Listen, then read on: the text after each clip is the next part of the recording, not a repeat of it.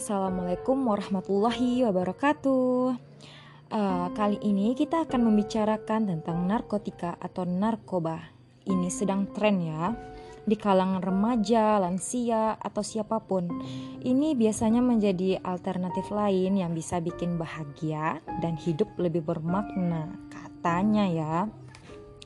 Saat ini bahaya dan dampak narkoba atau narkotika dan obat-obatan pada kehidupan dan kesehatan pecandu dan keluarganya semakin meresahkan. Akan tetapi di mata seorang pecandu tidak akan sadar akan hal itu.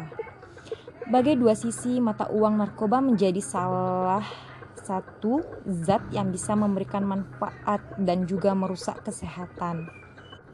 Seperti yang sudah kita ketahui, ada beberapa jenis obat-obatan yang termasuk ke dalam jenis narkoba yang digunakan untuk proses penyembuhan karena efeknya bisa menenangkan. Uh, tenang. Namun, jika dipakai dalam dosis yang berlebihan, bisa menyebabkan kecanduan. Penyalahgunaan ini mulanya karena si pemakai merasakan efek yang menyenangkan. Dari sinilah muncul keinginan untuk terus menggunakan agar bisa mendapatkan ketenangan yang bersifat halusinasi. Apa itu narkotika atau narkoba? Narkotika adalah zat atau obat baik yang bersifat alamiah, sintesis maupun semi sintesis yang menimbulkan efek penurunan kesadaran, halusinasi serta daya rangsang. Sementara menurut Undang-Undang Narkotika pasal 1 ayat 1 menyatakan bahwa narkotika merupakan zat buatan ataupun yang berasal dari tanaman yang memberikan efek halusinasi, menurunkan kesadaran serta menyebabkan kecanduan. Apa yang dirasakan si pemakai? Obat-obatan tersebut dapat menimbulkan kecanduan jika pemakainya berlebihan. Pemanfaatan dari zat-zat Zat-zat itu adalah sebagai obat penghilang nyeri serta memberikan ketenangan. Penyalahgunaannya bisa terkena sanksi hukum. Apa saja jenis dan bahaya narkoba bagi kesehatan? Menurut Undang-Undang tentang Narkotika, jenisnya dibagi atas tiga golongan. Golongan satu uh, seperti ganja, opium, dan tanaman koka. Untuk golongan satu ini sangat berbahaya jika dikonsumsi dapat menimbulkan efek kecanduan. Uh, selanjutnya golongan dua. Pada golongan ini bisa dimanfaatkan untuk pengobatan asal sesuai dengan resep dokter. Golongan ini ada 85 jenis. Wow, sangat banyak ya. Di antaranya seperti morfin, alfa prodina, dan lain-lain.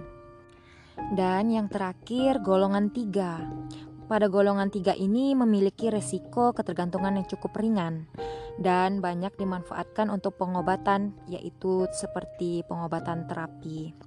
Beberapa jenis narkoba yang bisa didapatkan secara alami, namun ada juga yang dibuat melalui proses kimia. Untuk jenis-jenisnya narkotika ini ada narkotika jenis sintesis, contohnya amfetamin, metadon, dexamfetamin, dan selanjutnya narkotika jenis semi sintesis, contohnya morfin, heroin, dan kodein. Narkotika jenis alami, contohnya ganja dan koka. Apa sih bahaya dan dampak narkoba ini? Yang pertama itu bisa menyebabkan dehidrasi, uh, menyebabkan keseimbangan elektrolit berkurang. Dan yang kedua itu halusinasi. Uh, seperti yang kita ketahui pada pecandu-pecandu narkoba ini banyak sekali di antara pecandu ini itu yang berhalusinasi jika dia menggunakan narkoba ini seperti dia melihat ada wanita cantik atau dia bisa melihat sesuatu yang yang tidak nyata atau atau sebagainya. Dan yang ketiga itu bisa menurunkan tingkat kesadaran. Jadi untuk pengguna ini kesadarannya itu separuh-separuh ya. Ada juga yang hilang total kesadarannya. Yang paling bahaya dan tidak ada obatnya ya di dunia ini yaitu kematian serta mm, gangguan kualitas hidup. Hidup kita jadi tidak berkualitas sebab semua terganggu seperti kesehatan, eh, keuangan, semangat hidup. Pokoknya untuk penggunaan narkoba ini sangat banyak sekali bahaya dan dampaknya. Sekian yang dapat uh, saya sampaikan untuk pembahasan narkotika ini. Kita akan ketemu di episode selanjutnya. Assalamualaikum warahmatullahi wabarakatuh.